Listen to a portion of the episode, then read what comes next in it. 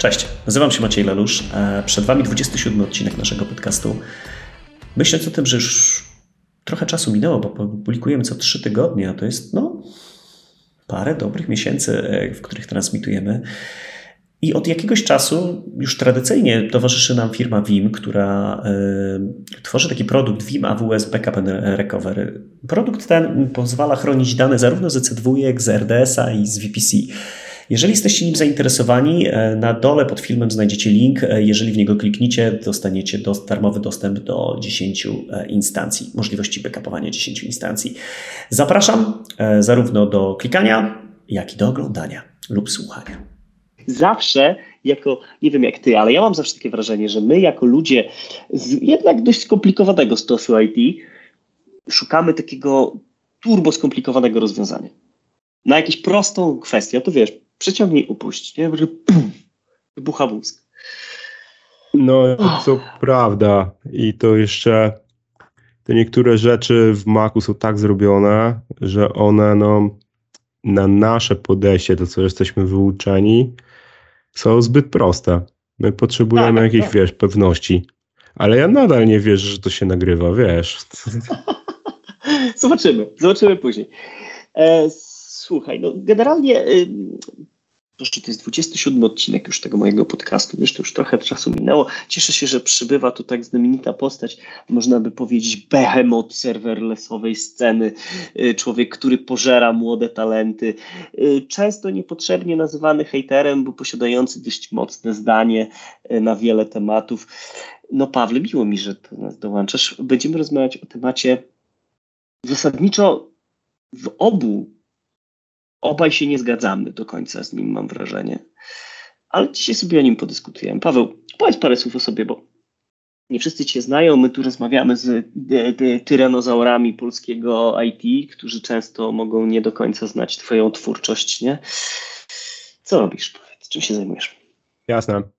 Cześć, przede wszystkim dzięki Maciek za zaproszenie. E, bardzo mi miło, że będę mógł z Tobą porozmawiać i przy okazji poszerzać nadal w Polsce wiedzę właśnie o, o serverless, chociaż dziś temat mamy trochę inny, a o tym za chwilę. Moja przygoda z chmurami zaczęła się w 2016 roku. Miałem pomysł z kolegą rozpocząć startup i bardzo szybko żeśmy sprawdzili, że po prostu nas nie stać na to, żeby uruchomić serwery. My w dwójkę mieliśmy background e, Java Enterprise, więc taki barokowy i również cennik był dosyć barokowy jak na, na coś, co chcieliśmy robić wiesz, z boku, jako dodatkowy interes. Um, I to spowodowało, że bardzo szybko zacząłem szukać taniej alternatywy i w ten sposób poznałem serverless. Idąc dalej do przodu e, ze startupu nic nie wyszło, ale ja się nauczyłem e, serverless znaczy nauczyłem, no wciąż się go uczę, więc poznałem e, trochę ten serverless i stwierdziłem, że to jest świetna e, technologia i świetna architektura właśnie dla e, wszystkich, którzy szukają taniej i również szybkiej alternatywy. I tak przy tym serverless pozostałem, zacząłem nagrywać jakieś filmiki, szkolenia, występować na konferencjach aż do takiego e, zwieńczenia mojej kariery w zeszłym roku, kiedy zostałem e, pierwszym AWS Serverless Hero w Polsce, co jest e, no, wielkim moim sukcesem.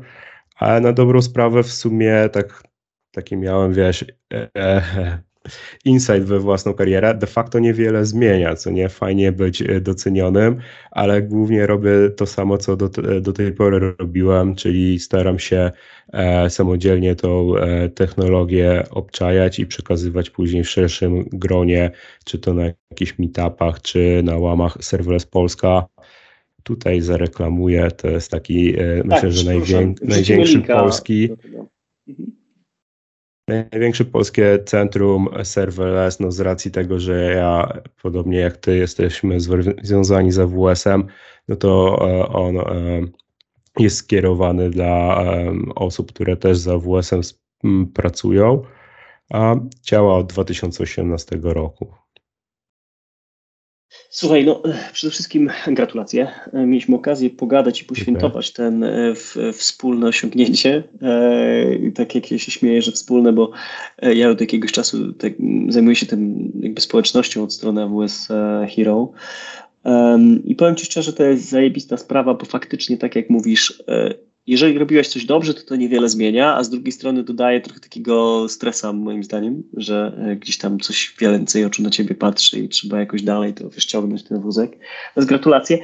Ja mam dzisiaj ten temat, który poruszamy, czyli multi-cloud, on jest poza strefą trochę według mnie naszego wspólnego komfortu.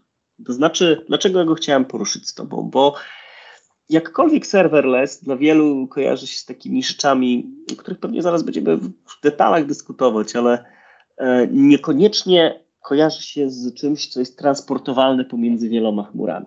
Nie? A sobie o tym pogadamy. A z drugiej strony ja y, projektuję rozwiązania wiem-kowe, konteneryzacyjne, infrastruktury sieciowe, nie? I dla mnie multi-cloud po prostu jest. No bo tacy są klienci. I niektóre rzeczy są urodzone, moim zdaniem, żeby egzystować w pewnych vendorów, a niektóre rzeczy są urodzone, żeby egzystować pomiędzy vendorami. A ty z perspektywy człowieka, który siedzi w serverless, czyli technologii, może też by dla tych, którzy tak do końca nie czają bazy, co chodzi, jak to nie ma serwerów, nie? E, generalnie jakbyś też parę słów powiedział o tym urdzenia, w rdzeniu, co to jest serverless dla ludzi, którzy mogą nie do końca wieszczać bazę, nie? Tak paru żołnierskich słowach, a później przejdziemy do tego, o czym mówiłem. Jak postrzegasz serverless kontekstu multicloudu? Bardzo chętnie, ale od razu odbiję pi piłeczkę. Później oczekuję, żebyś ty zdefiniował multi-cloud, bo to też jest dosyć ciekawe, o czym będziemy dokładnie rozmawiali, twoim zdaniem. W kilku zdaniach. E, serverless, e, nazwa jest taka e, trochę myląca, ponieważ mówi o tym, że niby nie ma serwerów. Te serwery gdzieś tam są, tylko ty jako klient nie musisz się o nie martwić. Czyli to jest jakby najwyższy poziom abstrakcji usługi managed, która od strony infrastruktury jest zarządzana przez AWS, a o, dla ciebie są same benefity. W teorii musisz się skupić tylko i wyłącznie na logice biznesowej i na działaniu swojej aplikacji, co nie do końca jest, e, jest prawdą, bo musisz też przemyśleć architekturę, ale Głównym wyznacznikiem, co też niestety się troszkę zmienia, jest to, że w momencie, kiedy nie używasz e, aplikacji serverless, nie masz na przykład klientów na, w swoim systemie, e, którzy z niego korzystają, ty nie ponosisz kosztów związanych z, dzia związanych z działaniem tej aplikacji. Czyli jest to jakby poziom wyżej ponad kontenerami, jeśli chodzi o ten taki stack abstrakcji. Mhm. To ja Ci powiem, jak ja definiuję, bo to też dobrze by było od Ciebie usłyszeć, bo ja mam wrażenie, że multi-cloud to jest takie, taki wór, w który można naprawdę dużo wsadzić, nie? Ja y, szczęśliwie niedawno robiłem jakiś research wokół tego i myślę, że zdefiniowanie tego jest, tak jak mówisz, bardzo ważne, bo bardzo wiele osób e, postrzega hybrydową chmurę jako multi-cloud, nie? czyli że mamy rozwiązania hybrydowe, gdzieś tam fragment data center, gdzieś tam fragment chmury publicznej nie? i że to już jest multi-cloud. Moim zdaniem, to wiesz, to trochę jest jak matrioszka. To znaczy, ja to tak definiowałem w tym wydawnictwie, które gdzieś tam się pojawi z IT Professional. E, jak jesteście jakby mm, osobami, które dostają prenumeraty tego magazynu, to tam trochę się więcej rozwiodłem na ten temat, ale w żołnierskich słowach to wygląda tak, że moim zdaniem chmura hybrydowa, która zaliczana jest, ja uważam, że ona jest zaliczana do multicloudu i, i wszyscy mogą się z tym kłócić, ale ja będę to bronił ze względu na to, że to jest dwa różne control plane mamy. Nie? Czyli e, jakby w multicloudzie będziemy mieli dwa różne control plane, czyli najpierw będziemy miał AWS-a i Azura i jeszcze data center, nie? to będziemy mieli trzy różne control mhm. plane, a w chmurze, w chmurze hybrydowej powinieneś mieć jeden control plane uwspólniony. Czyli na przykład masz VMware'a rozciągniętego na dwa ośrodki, czyli masz w AWS-ie VMware'a i lokalnie VMware'a i jakaś tam pff, się połączenie magiczne sieciowe dzieje, nie? To jest hybryda według mnie. Multi-cloud to jest, że masz różne control plane, czyli na przykład masz rozwiązanie OpenFASa, czyli serverless w data center z Hodela, nie? Wiem, są, są ludzie, którzy na to jakby rzucają, nie? Pomijam, czy wychodzi, czy nie wychodzi, ale są. No i masz serverless w AWS-ie, który realizowany jest za pomocą usługi Lambda, który będzie miał inny control plane, ale generalnie funkcja biznesowa zasadniczo będzie ta sama. nie? czyli osiągasz to, o czym mówisz, czyli abstrakcję kodu od infrastruktury. To znaczy, że ty myślisz o tym, skupiasz swoją całą siłę na tym, żeby zaopracować świetną aplikację, która będzie dobrze działać w środowisku dajmy na to serverlessowym. Pewnie podejrzewam, że podobną ilość energii powinieneś poświęcić na e, zastanowienie się nad aplikacją, jak ją piszesz też w środowiskach innych. Nie? W serverlessie to widać, nie? bo tam widać szybko koszt. To jest zajebista sprawa. I multi-cloud w tym stosunku będzie czymś, że na przykład będziesz miał taką, taki mm, serverless w, nie wiem, w AWS-ie, w Google, w czymś tam, nie? I teraz ja tak to interpretuję. Jak ty byś zinterpretował multicloud? Czy w ogóle w kontekście serverlessa można myśleć o rozwiązaniach multicloudowych? Takich, mówię o control plane na razie, nie data plane. Mm, to są takie dwie kwestie dla mnie, bo mm, zanim przejdziemy do serverless, to, co powiedziałeś, jest dla mnie ciekawe. Ja mam z kolei trochę inną definicję tego. Tak więc y, dla mnie hybrydowa chmura to jest oczywiście jakaś organizacja, która ma powiedzmy swoje własne data center albo je wynajmuje i też korzysta z usług e, jakiegoś dostawcy chmury publicznej. A multi-cloud dzieje się wtedy, kiedy korzysta z więcej niż z usług więcej niż jednego e, dostawcy chmury publicznej. No i to oczywiście może też występować w połączeniu. Mamy jakąś część wspólną, czyli masz e, dwie chmury plus jeszcze swoje własne e, sprzęty. Czy to coś zmienia w tym kontekście naszej dyskusji? W sumie może później się okaże, że zmienia, bo o ile historycznie każda organizacja, która jest starsza niż 10 lat, no to pewnie musi mieć jakieś własne zasoby sprzętowe i z definicji będzie e, hybrydą. Może to być hybryda, która dąży do tego, żeby zlikwidować swoje data center albo nie, to zależy od strategii. E, o tyle no, multi-cloud, no to e, jest już łatwiejszy do tego, żeby jakby podważać jego sens bo nie, historycznie no, nikt cię nie, zmu, nie masz jakiegoś takiego, wiesz, przymusu, żeby korzystać więcej niż z jednego dostawcy ciśnienia, tak. Ale, ale, nie sądzisz, że, bo ja tutaj w tę dyskusję prowadziłem przez ostatni rok z ludźmi i doszedłem do wniosku, że to jest tak trochę nieprzyznawanie się do tego, że już siedzisz gdzieś. To znaczy, myślę, że większość organizacji, czy dziesięcioletnich, czy tych dwuletnich, mm, które z jakiegokolwiek powodu mają wiele chmur, nie? Oni są w środowiskach multiklonowych, bo popatrz, ja bym to podzielił na takie różne warstwy. Można mówić o multicloudzie na warstwie infrastruktury i on jest dość trudny. To znaczy, do niego trzeba faktycznie mieć jakiś sensowny use case. Czyli na przykład, nie wiem, być e, instytucją dbającą o życie ludzkie. Nie, nie wiem, tam e, zestawem e, elektrowni atomowych, nie? które no generalnie wypadałoby, żeby się naprawdę replikowały w różne miejsca i miały dużo kopii swojego, e, swojego środowiska po to, że, dlatego, że ich SLA znaczy coś. Nie? To jest według mnie dobry use case. Dość trudny do znalezienia na rynku. Ale większość firm jest już w multicloudzie, bo popatrz.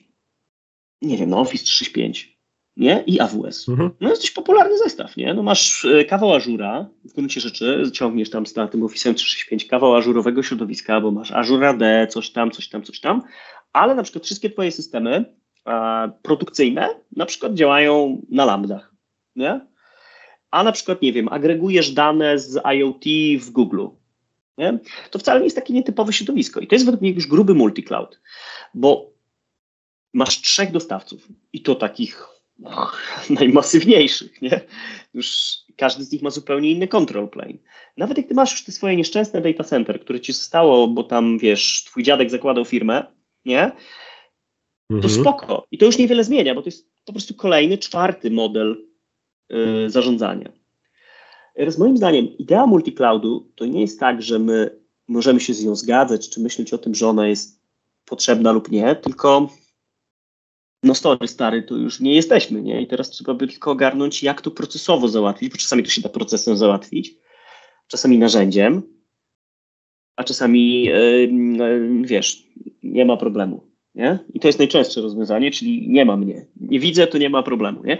Stąd też myślę, że rozmowa o tym, czy multi-cloud ma sens, czy nie, jest już trochę przeterminowana, bo on już się wydarzył. My jesteśmy w jego środku. i bardzo często nigdy sobie tego nie przyznaliśmy. Nie? I to jest takie moje zdanie a propos multiclouda i gdzie jesteśmy. I, i teraz możemy dorzucić kolejne warstwy, nie? na przykład aplikacji. No bo możesz mieć dane tu, backup tam, frontend tu, coś tam tam. No i sam wiesz doskonale, że jak stawisz serverlessowy frontend, a bazę trzymasz w on-premie, no to gratulacje, nie? Oto katastrofa murowana, nie? Wiesz co, ja się z tobą... E, są rzeczy, z którymi się bezpośrednio zgadzam, e, jak najbardziej. To, że już jesteśmy w multi-cloudzie. W większości wypadków tak, natomiast to jest też kwestia klasyfikacji, jak bardzo. I istnieje taka, e, taka organizacja chyba, czy no nie wiem, nazwijmy to organizacja, nazywa się Eurostat. I już po samej nazwie możemy wywnioskować dwa, dwa takie mm, fakty. Po pierwsze, że jest to europejska jakaś tam organizacja, która się zajmuje statystykami, a po drugie to, że nikt z AWS-u nie maczał tam palców przy nazywaniu tej organizacji, ponieważ nazwa jest krótka i jasna.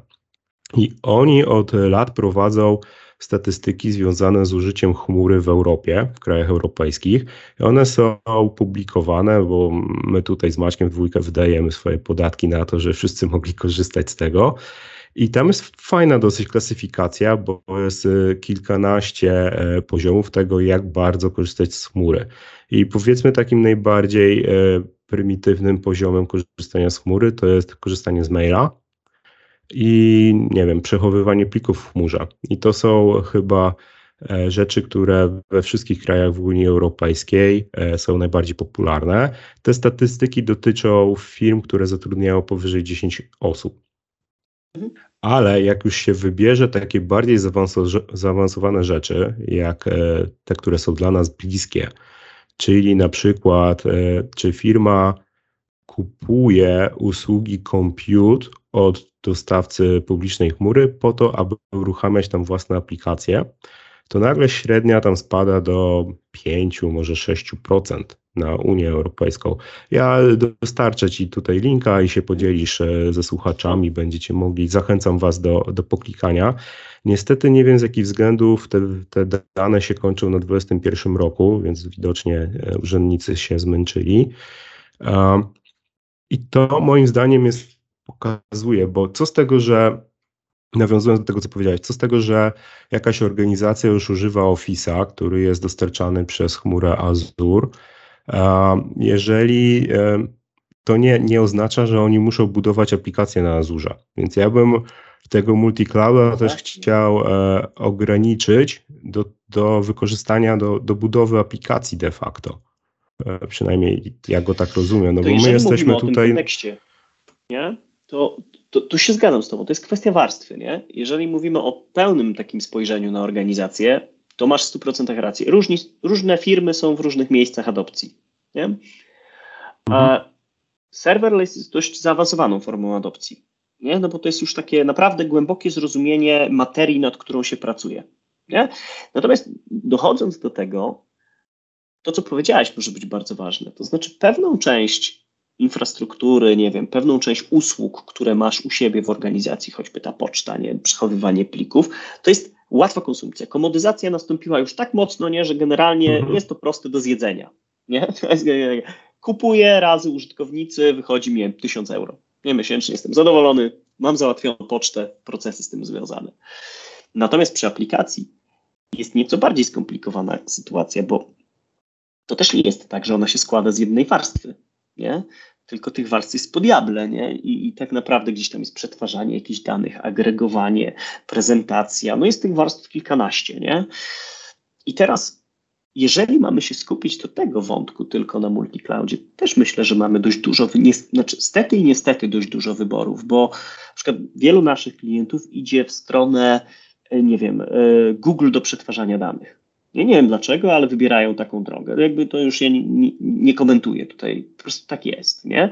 Gdzieś tam ogromną ilość rzeczy machine learningowych robią, tam robią też to w AWS-ie. I dopiero te przetworzone dane gdzieś tam trafiają do aplikacji, które publikują już w różny sposób. Jedni w kontenerach, bo takim wygodniej, inni w wiem bo się przyzwyczaili z on-premu, nie? No a coraz większe grono, ale tak jak mówisz, ten procent jest zasadniczo niewielki wciąż, idzie w stronę właśnie function as a service. Nie? Wiesz co, to tutaj też, też e, o tym serverless musimy porozmawiać. No bo z jednej strony jest funkcja lambda, którą e, prawie wszyscy o niej słyszeli. Dla tych z Was, którzy nie słyszeli, no to e, funkcja function as a service, o, o czym Maciek przed chwilą powiedział, no to jest to e, pewnego rodzaju usługa typu cloud native, która polega na tym, że my dostarczamy tylko i wyłącznie kod źródłowy do naszego dostawcy, a w momencie, kiedy następuje jakieś zdarzenie, czyli na przykład wywołanie przez endpoint restowy albo ktoś zaploadował plik, ten kod jest uruchamiany. I on zwykle trwa od kilkuset milisekund do maksymalnie 15 minut w przypadku e, lambdy i się wtedy kończy i znika. I to jest e, takie nowe podejście dla wielu jeszcze bardzo niekomfortowe, ponieważ my nie mamy swoich serwerów, kontenerów, nie ma gdzie się zalogować, e, nie ma jak tam coś pomieszać w środku, bo to jest totalnie odseparowane. Więc to jest jednego rodzaju E, usługa serverlessowa, taki najbardziej znana i, i powszechnie stosowana, ale jest całe, cała gama usług serverlessowych, które nie są mm, funkcjami. I to jest chociażby do właśnie przetwarzania danych, dajmy na to Athena. Athena pozwala nam odpytywać pliki, e, czy to będą JSONy albo comma separated value files e, na bucketach S3 zwykłym SQL-em. Mhm. Więc to jest e, super przykład. Ona się skaluje dla nas, ona e, generalnie jest, e, my za nią płacimy, tylko i wyłącznie za ilość danych, które przetworzy dane zapytanie. Więc możemy sobie odpalać tych zapytań dużo, możemy odpalać jedno na pół roku i wtedy nic nie, nie płacimy za, za ten czas, kiedy jakby Atena jest gotowa do działania, ale z niej nie korzystamy. I tych e, wszelkich usług wokół danych, które są serverlessowe, jest bardzo dużo w AWS-ie, więc stąd może być powszechność tego, bo one są po prostu wygodne. Ja jako klient de facto nie muszę się zastanawiać, jakiej mocy obliczeniowej będę potrzebował, aby przerobić też w sumie nie wiem jaką ilość danych. Więc to, mhm. to jest bardzo wygodne, ale to mm, te usługi serverlessowe nie są jakby tym, o czym przeciętnie osoba myśli, E, na hasło serverless, jak pada.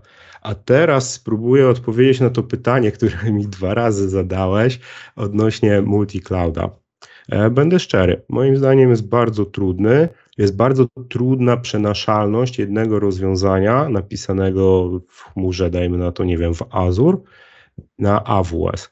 Pomimo tego, że mniej więcej moglibyśmy sobie zmapować e, usługi jeden do jednego, na przykład z tego, co się orientuję, to w Azurze jest taka baza, co się nazywa Cosmos i ona jest odpowiednikiem DynamoDB. Więc teoretycznie moglibyśmy sobie e, przenieść tą aplikację, żeby e, korzystała z tego. Oczywiście Google i Azure też mają swoje funkcje, odpowiedniki lambdy, ale koniec końców, jak w to by wejść, i to ja nie mówię jak ze własnego doświadczenia, bo ja się tylko na AWS-ie znam, ale opieram się e, na tym, co powiedział na jednej ze swoich prezentacji Gregor Hope. To jest ten facet od Enterprise Integration Patterns i on ma też taką e, nowszą książkę, którą mogę od razu tu polecić, bo czemu by nie, e, Architects Elevator. I co on powiedział? Że generalnie jak się wejdzie w szczegóły, to jednak te usługi nie są identyczne, nie są równoważne, no bo nie są kopiami, tak? A więc y, może się zdarzyć, że jeżeli zaczniemy mówić, a dobra, to jest prosto przenieść, bo tutaj mamy tą usługę, ona się mapuje na tamtą i właściwie to wystarczy tylko zrobić tabelkę w Excelu i ten mapping pokazać, to do końca tak nie będzie, bo są różne wymagania, są pewne dodatkowe integracje. Ja tutaj nie chcę też e, jakby robić hejtu, bo to też nie o to chodzi, ale skoro już mnie tak przedstawiłeś, no AWS jest po prostu lepszy. I jeśli chodzi o serverless, to, to miażdży konkurencję. Więc e, tutaj Darek, przepraszam Ciebie. E, Darek to jest osoba, z którą robię serverless meetup we Wrocławiu i on jest z kolei azurowcem, ale mm, po prostu na wszystkich eventach e, serverlessowych na świecie ilość osób, które cokolwiek dostarcza na e, Azurze albo na GCP stanowi mniej niż 10%. No to ten rynek jest po prostu zmonopolizowany przez e, AWS, a jeśli już nie, to, to w drugiej kolejności są w ogóle e, inni gracze, którzy nie są e, chmurami publicznymi, ale weszli po prostu w samo serverless. E, dobrze, trochę, trochę odjechałem. I teraz co, co ten e, Gregor Hope mówi?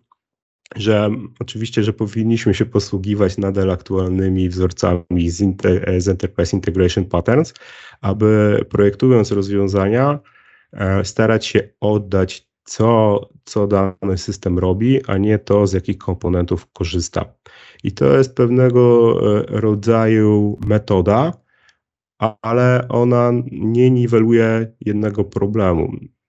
Te aplikacje są nieprzenaszalne, a korzystanie z kilku chmur do tego, żeby napisać jedną hybrydową aplikację serverless, to również jest moim zdaniem e, chybiony pomysł. E, z racji tego, że, że każda z tych do security to, to było w drugiej, e, druga rzecz, którą chciałem powiedzieć, ale też e, zarządzanie tym wszystkim, deploymenty i ogarnięcie tego na poziomie operacyjnym będzie, będzie trudne. I ja myślę, że jeszcze do tych wad to, to jakoś przejdziemy, co nie? Nie wiem, czy coś nowego tutaj wymyślimy, jako, jako że pewnie są całe tomy opisane o wadach i zaletach multiclouda, ale no to, to jest ten, ten problem, więc w ogóle tak, żeby nie zapomnieć, to ja chciałem jako osoba, e, która jest postrzegana jako hater z własnym zdaniem, to e, powiem coś takiego. Wiecie, że uważam, że, że AWS jest naj, najlepszy, ale jeżeli ktoś z Was już ma e, na przykład chmurę Microsoftu, to moim zdaniem dużo lepiej będzie Wam pozostać z tą chmurą Microsoftu niż dokładać sobie AWS-a. I to jest właśnie ten moment, w którym ja, ja, powiem Ci, dlaczego chciałem zapauzować, bo to jest ważny, ważny, ważna chwila decyzyjna, bo zebraliśmy się tu w takim gronie też szeroko uznawanym za hejterskie, z, z moją i z Twoją osobą e, w roli głównej, na temat tematu, którym nie czujemy się do końca pewni, że jest dobrym pomysłem. Bo to też ważne, że trzeba mówić o tematach dla siebie niekomfortowych, moim zdaniem. To człowiek trochę rozszerza sobie jaźń. Mhm. Ja też tak uważam. To znaczy, że jeżeli siedzisz w jednym control plane, jaki on by tam nie był, czy to będzie Azure, czy AWS, czy Google, czy Alibaba, nie? To nie ma większego znaczenia, ale jesteś do niego przyzwyczajony, on spełnia Twoje wymagania biznesowe, to musisz mieć niezwykle intensywny impuls. Naprawdę niezwykle. I już nie mówię nawet o impulsie finansowym, ale impulsie takim, nie wiem, po prostu uży, uży, użycia, żeby rozważać multicloud, taki w sensu stricte, że ty wybierasz na przykład, nie wiem, ta aplikacja będzie jakiś fragment logiczny wykonywany w AWS-ie, a jakiś fragment logiczny będzie wykonywany w Google. Być bardzo dobrze pomyślane, bo jest taka książka, się nazywa Greg Zorba. I Greg Zorba przez całą tą książkę buduje kopalnię. Nie? I na końcu ta kopalnia nie będę zdradzał zbytnio dużo, wszyscy znają tą historię, się zawala. No i ten Greg Zorba siedzi tam na dole, patrzy jak ta kopalnia się zawala, no i przybiega do niego główny inwestor i mówi, no czego ty się śmiejesz, czemu ty się tak cieszysz, że ta kopalnia się zawala? A Greg Zorba mówi, no popatrz jaka piękna katastrofa, nie? I, I ja właśnie widzę takie rozwiązania, które nie są do końca przemyślane pod względem use case'u. Że to może być wielka katastrofa, bo siedząc w jednym środowisku, które znasz bardzo dobrze, i spełnia 99,9 Twoich potrzeb. I tak jak mówisz, jest na przykład najlepsze, nie? z jakiegokolwiek by nie było powodu, to proszenie się o taki hardkorowy multi-cloud to tak jak wchodzenie, moim zdaniem, w przepaść. Nie? I teraz, jaki byś widział, bo, bo to też ważne, żeby o takiej części porozmawiać. To myślę, że tu się chyba rozumiemy, nie? To tak chyba mamy podobne zdanie w tej kwestii. Tak, tutaj się zgadzamy. Ja, mm, ja jestem ciekaw Twojej opinii na, na takie pytanie. Bo ja jestem raczej blisko inżynierów i cała ta praca związana z jakby z promocją serverless i tak dalej jest skierowana na inżynierów. A ty z racji jakby mm, funkcji, które pełnisz bardziej zawodowo w swojej firmie, pewnie częściej się spotykasz e, ze sponsorami projektów, właścicielami firm. Bo moim zdaniem, i to właśnie pytam Ciebie, ta chęć multiclouda rzadko kiedy wynika od inżynierów, przychodzi od inżynierów. Oni mogą mówić, chodźmy do chmury, jak tylko są w ogóle, wiesz, w serwerowniach zamknięci, w cudzysłowie, ale jak już mają jakąś chmurę, no to są z nią pogodzeni i niekoniecznie chcą inną, bo są świadomi tych problemów. Tego właśnie narzutu operacyjnego, tego, że będą musieli to wszystko łączyć ze sobą i często to jest drutowanie, bo też bądźmy szczerzy, e, żadnemu z dostawców chmury nie zależy na tym, że łatwo się było zintegrować z tą drugą, bo nagle będzie w tej w roli podległego. Ja, no tak, tak. Wiesz, no, to jest trudne. Wiesz, ja ci odpowiem trochę tak, e, bo to nie jest wiesz, no, standard, nie? Wiem, wiem o co chodzi. Wiesz, popatrz. Mhm. Ja myślę, że są dwie ścieżki. Takie rozwijmy ścieżkę y, zarządu nie, wynikającego z biznesu. Bo są dwa rodzaje, według mnie są takie dwa grube rodzaje, już nie będę corner case'ów omawiał, ale takie dwa grube rodzaje, czyli biznes wynika tak jak Henry Ford, nie, tam wiesz, y, miał fabrykę Excel, nie te sprawy, robili samochody z Excela wynikające, wynikające z biznesu. Czyli niekoniecznie się skupiali na tym, żeby robić jakąś wybitnie zaawansowaną nową technologię, tylko generalnie dużo pieniędzy zarabiać, nie? Jak to tak mówi się, nie? Czyli taki e, kadra kierownicza wynikająca z biznesu. I oni rozpatrują multi-cloud jako opcję do dywersyfikacji ryzyka. Czyli jakby perspektywa jest taka, że technologia w ogóle nie ma znaczenia na pewnym poziomie jakby zarządczym. To znaczy, to wszystko jest, wszystko jest rabialne, nie? Jak zbudowali na środku pustyni Burcz Khalifa w 3 lata, to znaczy, że się wszystko da zrobić, nie? No bo taka jest percepcja. Odpowiednio dużo pieniędzy, czasu i no, wykorzystania siły roboczej, nie? Da się osiągnąć wszystko. Natomiast drugi aspekt to jest zarząd wynikający z osób technicznych, to znaczy jak mamy jakiegoś CTO, nie? który jest generalnie osobą techniczną, czyli przeszedł różne ścieżki kariery, wiesz, w 82 zaczynał tam w serwisie komputerowym i tak szedł, szedł, szedł, szedł, szedł aż stał się CTO dużej organizacji, nie? To rozmowa jest zupełnie inna, bo ta osoba będzie zwracać nie tylko uwagę na ryzyka, na, nie wiem, jakieś tam kwestie biznesowe, ale będzie potrafiła spojrzeć w dół, jak bardzo dużo problemów to może sprawić. No i teraz na końcu drogi, jak jest mądry zarząd, to siadają takie dwie strony, czyli osoba, która chce zarabiać pieniądze, za wszelką cenę robić tą zmianę biznesową, no i osoba, która mm, wie, z czym to się je. Nie? To jest taki, to jest idealna sytuacja. Nie? One się ścierają, jeszcze są powiedzmy partnerscy, dadzą radę się dogadać. Według mnie, kto ciśnie na multiclouda? Na multiclouda Multicloud jest wodą na młyn dla enterprise architektów. Znaczy, wyobraź sobie, jak jesteś osobą, która pyta biznes, co trzeba zrobić, i ta osoba buduje absolutnie skomplikowaną infrastrukturę. Rozmawiasz, przepraszam, z certyfikowanym życia. enterprise architektem. Ale wiesz, do czego zmierzam, nie? To jest woda na młyn, ale ja nie mówię, że to jest zła pobudka, nie? To wynika z tego, że po prostu należy, należy to rozważyć. I teraz, jeżeli to jest dobrze rozważony temat, to wnioski wracają w taki sposób, że do tego zarządu, nie? Że to się nam przyda do X, albo nam się nie przyda do Y, albo kosztuje tyle i koszt... jest to zrealizowane. Ale bardzo często po prostu stwierdzamy, że ojejku, no skoro już się zdywersyfikowaliśmy w jednej może jesteśmy w kilku regionach, mamy to porozsypywane, no a jak coś się stanie, jak ona padnie, no szansa jest jedna na milion, ale ta szansa jest bardzo dla nas e, e ważka i ryzykowna, no to przenieśmy się do drugiej chmury. I to jest ta rozmowa, do której trudno się odnieść, nie?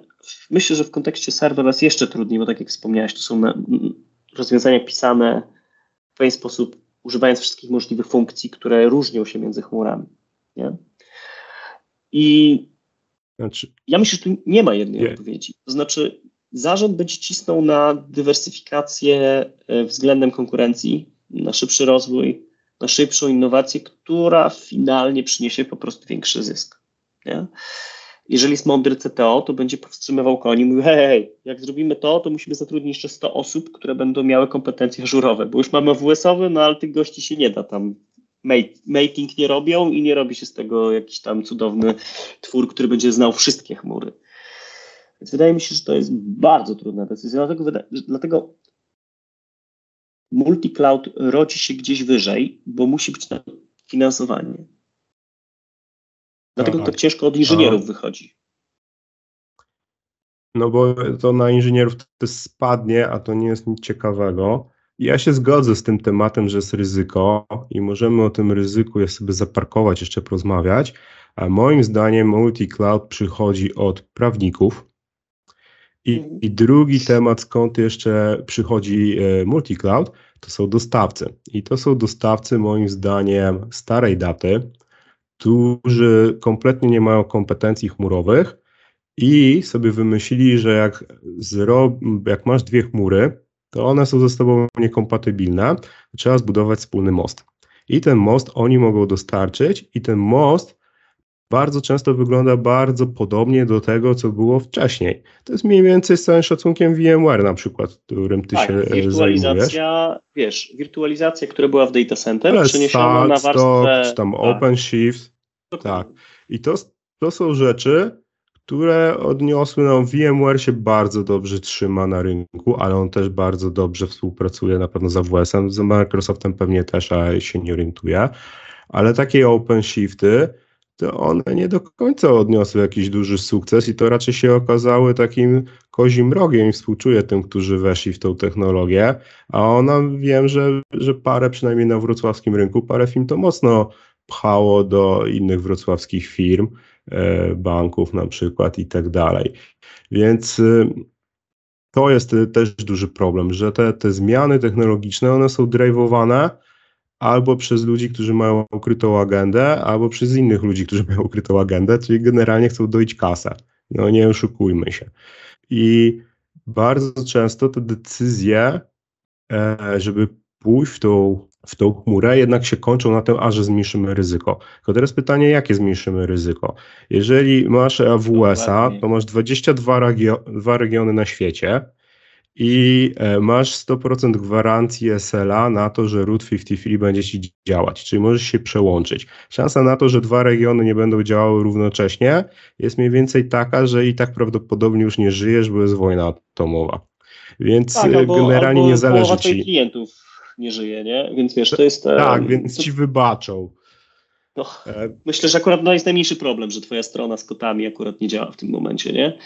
Wiesz, mi się wydaje jeszcze jedna rzecz, że dlatego, je, dlatego myślę, że jeżeli rozpatrujemy multi-cloud jako dwa rozdzielne control plane'y, nie? W ogóle. Jakby takie pozwalające na to, że im po prostu one dają inne funkcje, znaczy realizują tą samą funkcję biznesową, w nieco inny sposób. I ten diabeł tkwi w szczegółach, tak jak mówisz, to jest drutowanie, nie? Bo ta trochę inaczej działa, to tu trzeba tak z prawej strony podejść, a w, tam w się z lewej strony. I to wcale nie jest gorzej, a nie lepiej, po prostu inaczej. I mi się wydaje, że mrzonką jest zarządzanie takim pełnym multicloudem w kontekście wszystkich warstw. Nie? Czyli wiesz, masz jedno rozwiązanie, które rule them all będzie robić, nie? E, w jednym tool. To jest, to jest mrzonka.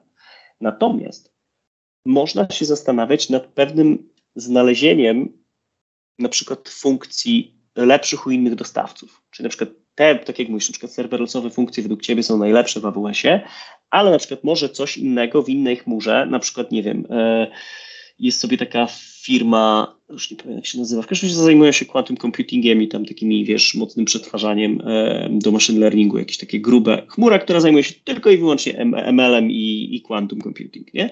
No jeżeli masz taką psychodeliczną potrzebę, nie, akurat twój business case jest taki, to skorzystasz z ich usług, bo są super wyspecjalizowani w tym. Ale już warstwa prezentacji, e-maile, raczej nie będziesz trzymał też tam, no bo po co, nie? I ja myślę, że jeżeli rozdzielimy Ale to bym radził traktować jako SaaS. Co ty o tym sądzisz? Wiesz, z jednej strony jako SaaS, ale z drugiej strony to może być głęboko zintegrowane z całym procesem dostawy tych danych, nie? Do, do mhm, końca. Okay. I wiesz, jeżeli zaczniemy myśleć o tym, że ok, mamy narzędzia multicloudowe do różnych warstw, nie? czyli warstwy na przykład zarządzania użytkownikami, warstwy, nie wiem, e, collaboration, nie? oddzielne tool, to, to łatwiej nam będzie trochę, to, trochę nazwać to multicloudem po pierwsze, jakiekolwiek control plane do tego wstawić, mm, a po drugie przyznać się do tego, że nie ma narzędzia, które ogarnie wszystko. i przestać go poszukiwać. Bo ja myślę, że to jest największa ukryta agenda, że większość instytucji, firm, autorów tego softu mówi o tym, że on rozwiąże twoje multicloudowe problemy. I ja uważam, że to jest w ogóle wsi absurd. Nie? nie da się rozwiązać multicloudowych problemów, bo nie wiesz nawet, jaki ktoś ma setup.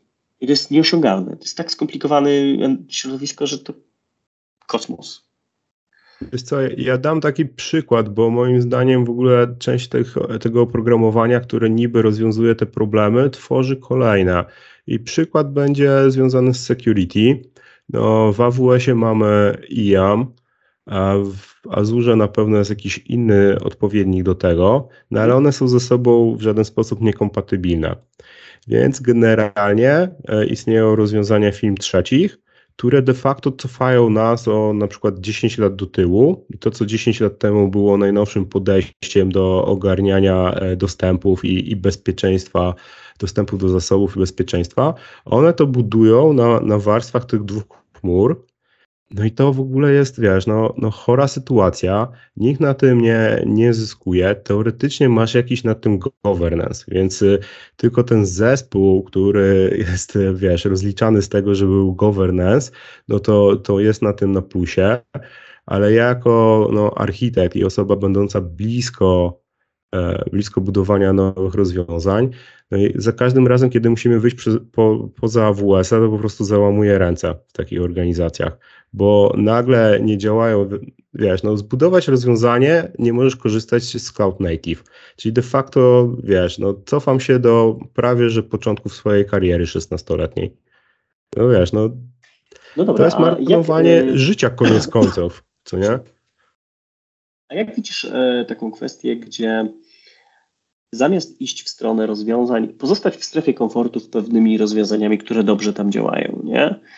E, natomiast i poszukiwać use case'ów blisko dostawcy, z którym jest dobrze. Czyli na przykład jak pracuje ci się dobrze z AWS-em, masz to wszystko tam dobrze poorganizowane, szukasz use case'ów dla swojego biznesu, który będzie jakby tą innowację no, pozwalał ci dalej prowadzić te innowacyjne działania. Ale dla pewnych segmentów swojej pracy, swoich procesów w firmie czy tam rzeczy, po prostu podejmujesz takie, mm, taką decyzję, że, że bierzesz rozwiązania z półki. I tam nie robisz innowacji żadnej. To jest taki codzienny biznes. Bo wiesz, bo ja trochę czasami walczę u klientów z tym, że oni we wszystkim możliwym próbują być innowacyjni. I to nie jest dobre dla ciebie jako producenta. Ja uwielbiam firmę mhm. produkującą gwoździe, to jest mój stary numer, nie? Że po prostu jak jest firma produkująca gwoździe, która ma robić szybko gwoździe, nie?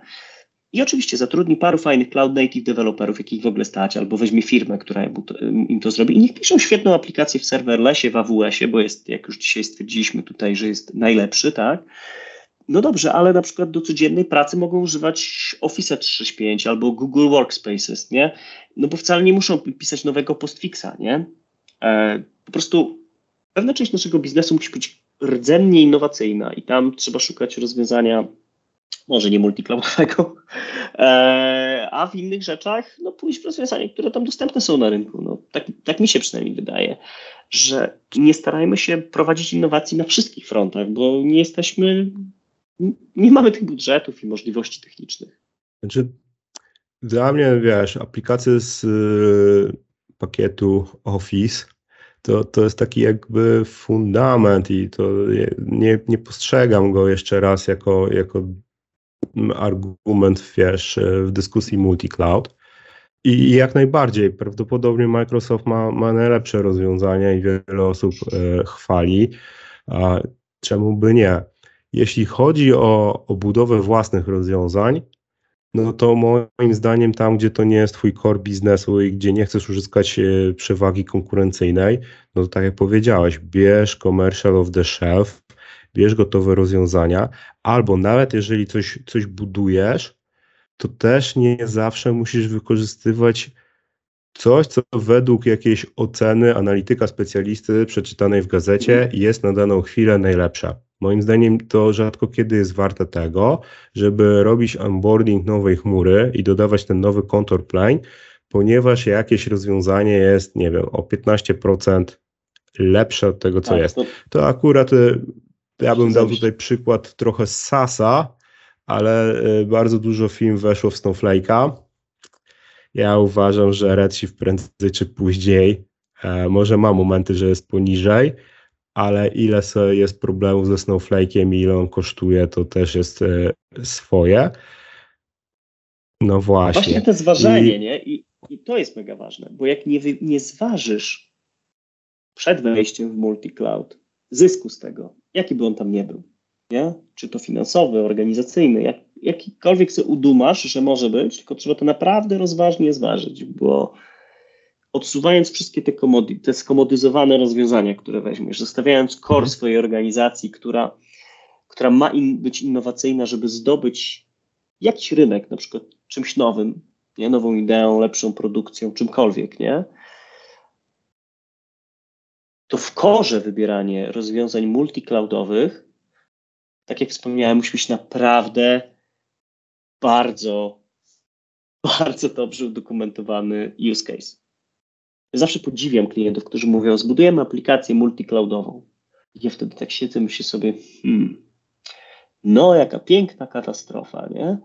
Bo bardzo często tego nie potrzeba robić. Można wziąć e, rozwiązania serverlessowe w AWS-ie, one zaadresują Ci 99% potrzeb i czasami się pogodzić z tym, że może nie będzie tego 0,01% czegoś tam, wiesz, bo może nie jest warte tego całego całej tej zabawy, znaczy, nie? Wiesz, to, to nawet nie chodzi o, o, o serverless. Bo, bo to mogą być też usługi cloud native, czyli takie, które są tylko i wyłącznie dostarczane przez, y, przez dostawców chmury i nie istnieją poza chmurą w naturalny sposób.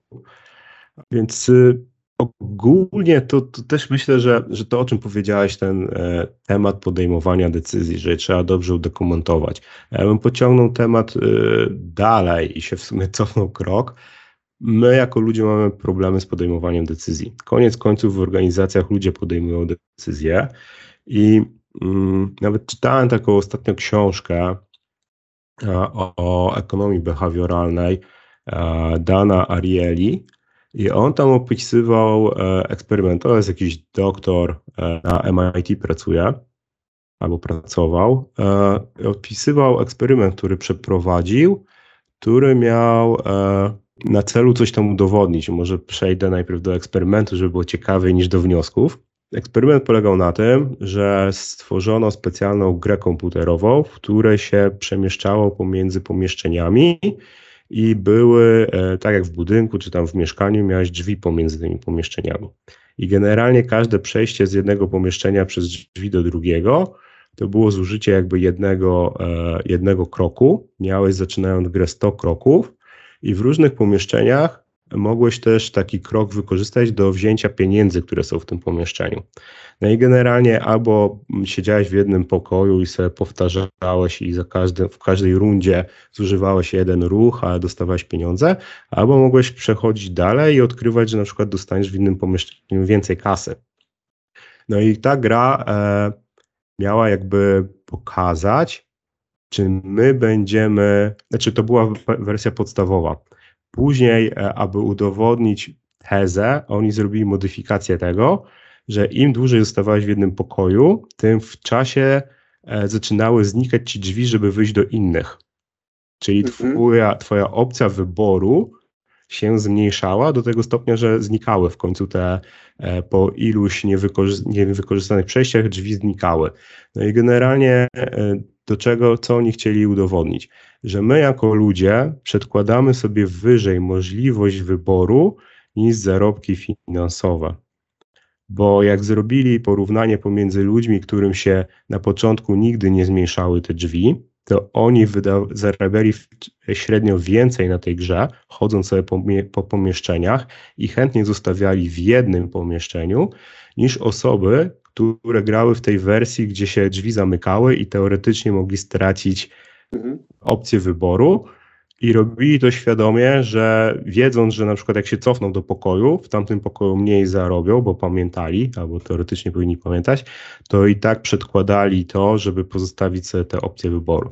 Czyli, no nie wiem, no tak jak wszyscy nas uczą od małego, że nie wolno palić mostów za sobą, ale nikt nam o tym nie mówi, że to coś kosztuje Co nie? Zwykle to się mówi dzieciom w kontekście takim, że należy być miłym, grzecznym i uprzejmym, ale jakby ta kwestia, że mamy szersze pole wyboru, czyli w multicloudzie wejście do drugiej chmury, kosztuje nas bardzo dużo. I my, jako ludzie, jesteśmy determinowani do tego, aby instynktownie bardziej się skłaniać do tych opcji, które dają nam szersze pole wyboru w przyszłości, nawet kosztem mm, dzisiejszych, no nie wiem, wyrzeczeń, kosztów i, ta, i tak dalej. Myślę, że to, to była jakaś dla mnie e, nowość i dlatego to sobie tak zapamiętałem, nawet przypomniałem specjalnie przed tą rozmową, bo no, w jakiś sposób oni to udowodnili e, badaniem na jakiej grupie osób. Czyli de facto mm, mówisz przez to, jeżeli dobrze Cię rozumiem, że wybieranie rozwiązań multicloudowych jest dla nas naturalnie, wydaje się naturalnie ciekawszą opcją, aczkolwiek można przez to y, ponieść duży, duży koszt, no co się tak finalnie dzieje. Nawet nie tyle, że ciekawszą, tylko że, że lepszą. E, no, po prostu że czułem, że jest lepsza.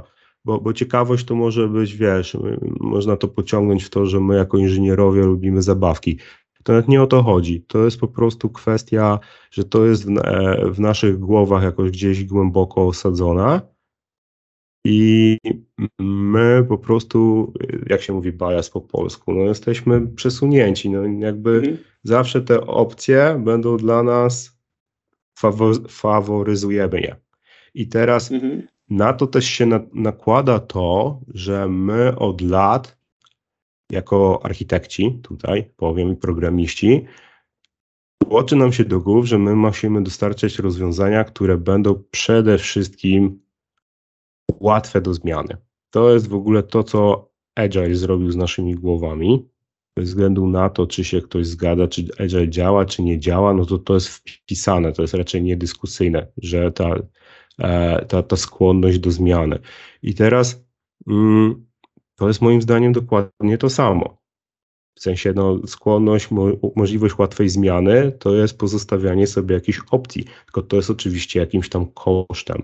I to, e, jak sobie spojrzysz na, na jakieś książki, poczytasz i tak dalej, to generalnie to jest postrzegane za architektura, która jest prosta do zmiany, do rozszerzania i tak dalej, jest zawsze postrzegana jako ta lepsza. Do tego dążymy. Mhm. Ja nie twierdzę, że to jest złe, tylko to jest pytanie, czy my z tego będziemy zawsze korzystali, bo może architektura, która by była w 80%, a nie w tych 100, byłaby równie dobra, a my osiąg- znaczy oszczędzając tu 20% tej elastyczności czy zmienności potencjalnej, bylibyśmy w stanie zrobić coś dużo szybciej albo taniej i tak dalej.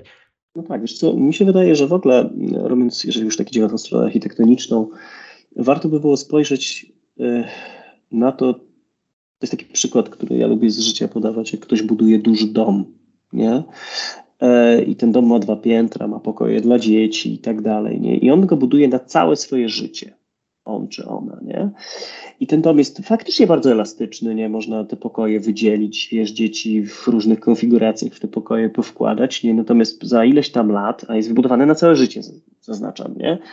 Te dzieci opuszczają dom, nie? No i te pokoje stoją puste i trzeba grzać tą całą górę, kombinować. No i dodatkowo tu jeszcze myślę wchodzi jedna rzecz, którą trochę bym nawiązał do tego, co, co mówiłeś na początku, czyli firmy z dziesięcioletnim dość jakby historią.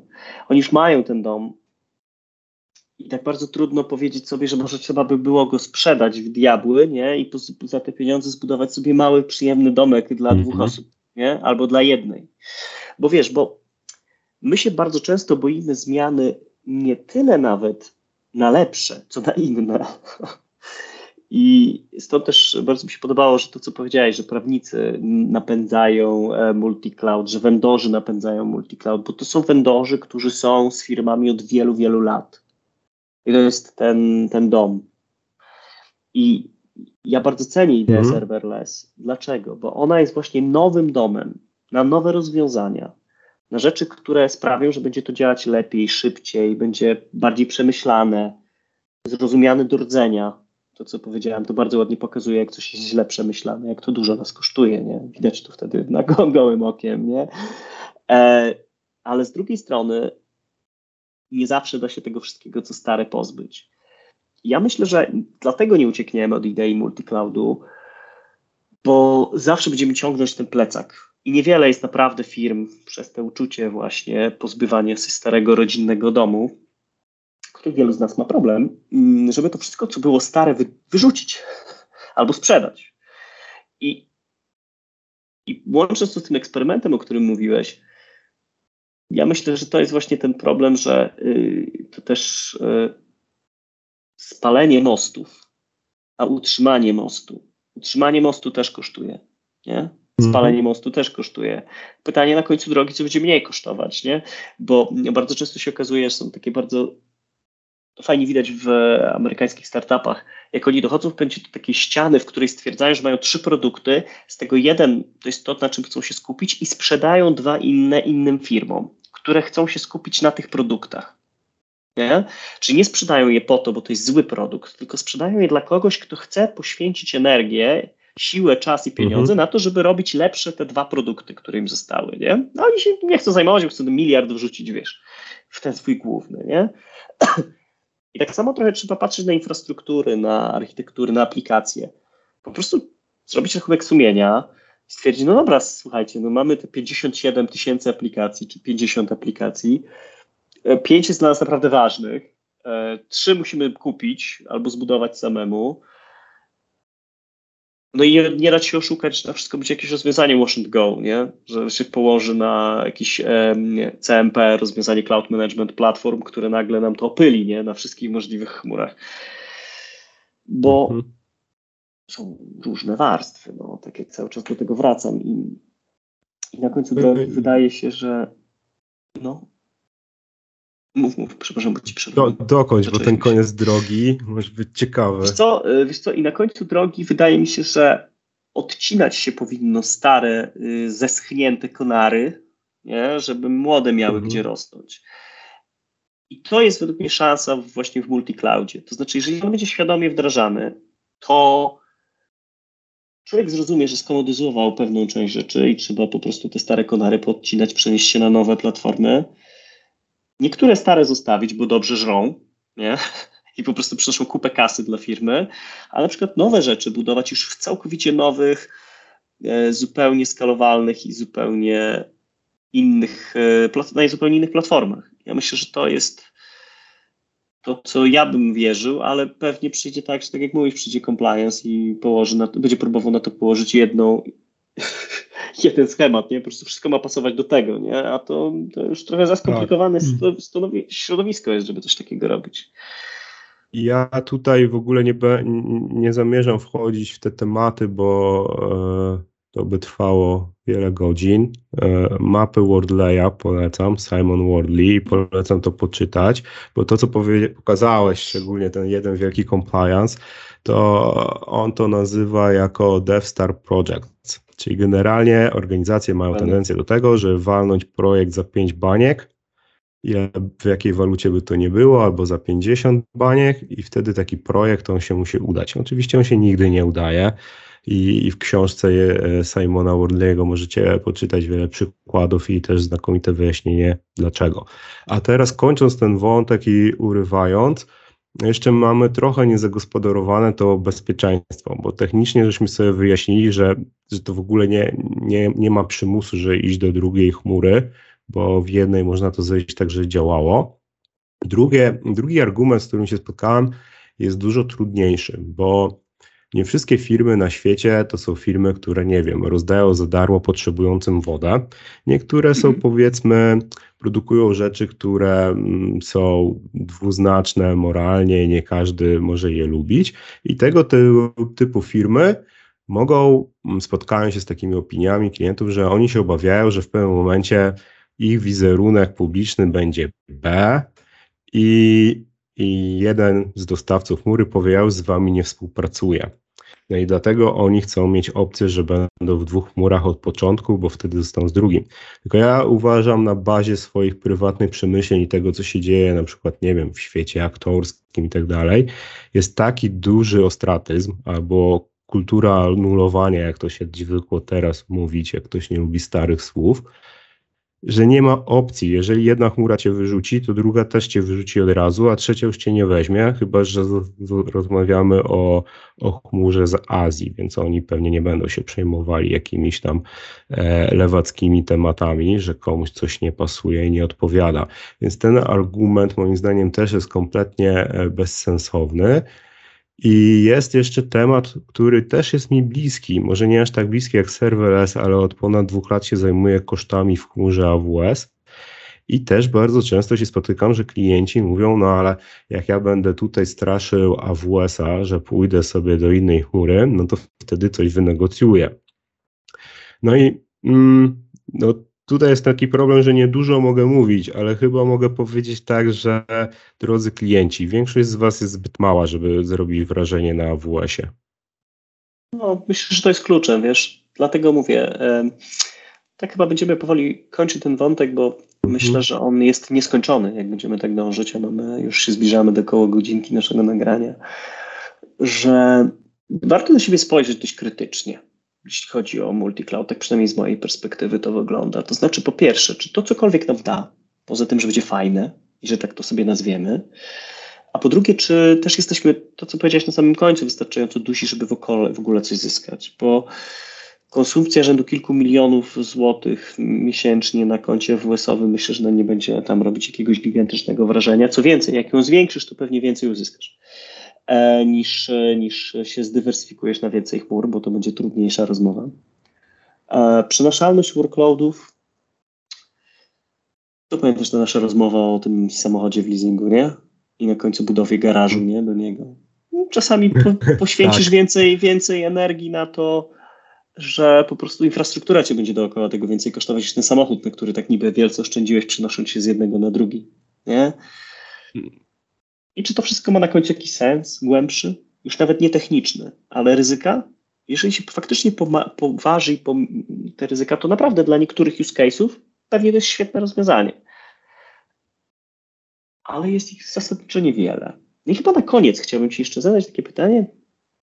Jakie byś widział case'y dla multicloudu? Myślałeś kiedyś o tym? Gdzie byś takie coś w ogóle widział? A, to jest... Żeby być adwokatem diabła trochę czy być adwokatem biała, to w 100% to chyba nie jest, e, nie, nie będę adwokatem diabła, ale z rynku niderlandzkiego sprzed kilku lat ja znam taki temat, że mm, w, oczywiście w finansach, tak, bo tam nie tylko e, prawnicy, ale też regulatorzy wchodzą i mówią, że słuchajcie, że musicie się zabezpieczyć, że jak padnie jedna chmura, no to przecież system bankowy nie może przestać działać. No i tam e, było w sumie od razu to, to wywołało jakby taka opinia regulatorów i rekomendacja spotkała się z takim odbiorem, że no każdy bank musi być multi-cloud od razu. A później jak zaczęli drążyć ten temat, jak zaczęli rozmawiać z regulatorem, to okazało się, że nie, że każdy bank musi być multi-cloud, tylko im chodziło o to, żeby wszystkie banki na przykład w Holandii nie siedziały na AWS-ie, bo jak tam padnie AWS, no to faktycznie cały system bankowy przestanie działać. Więc to chodziło o dywersyfikację w sektorze, a nie tylko dywersyfikację na poziomie pojedynczej organizacji. Mm. Tak. I też mi się wydaje, że często ludzie trochę za bardzo przesadzają, nawet w tych bardziej regulowanych e, firmach.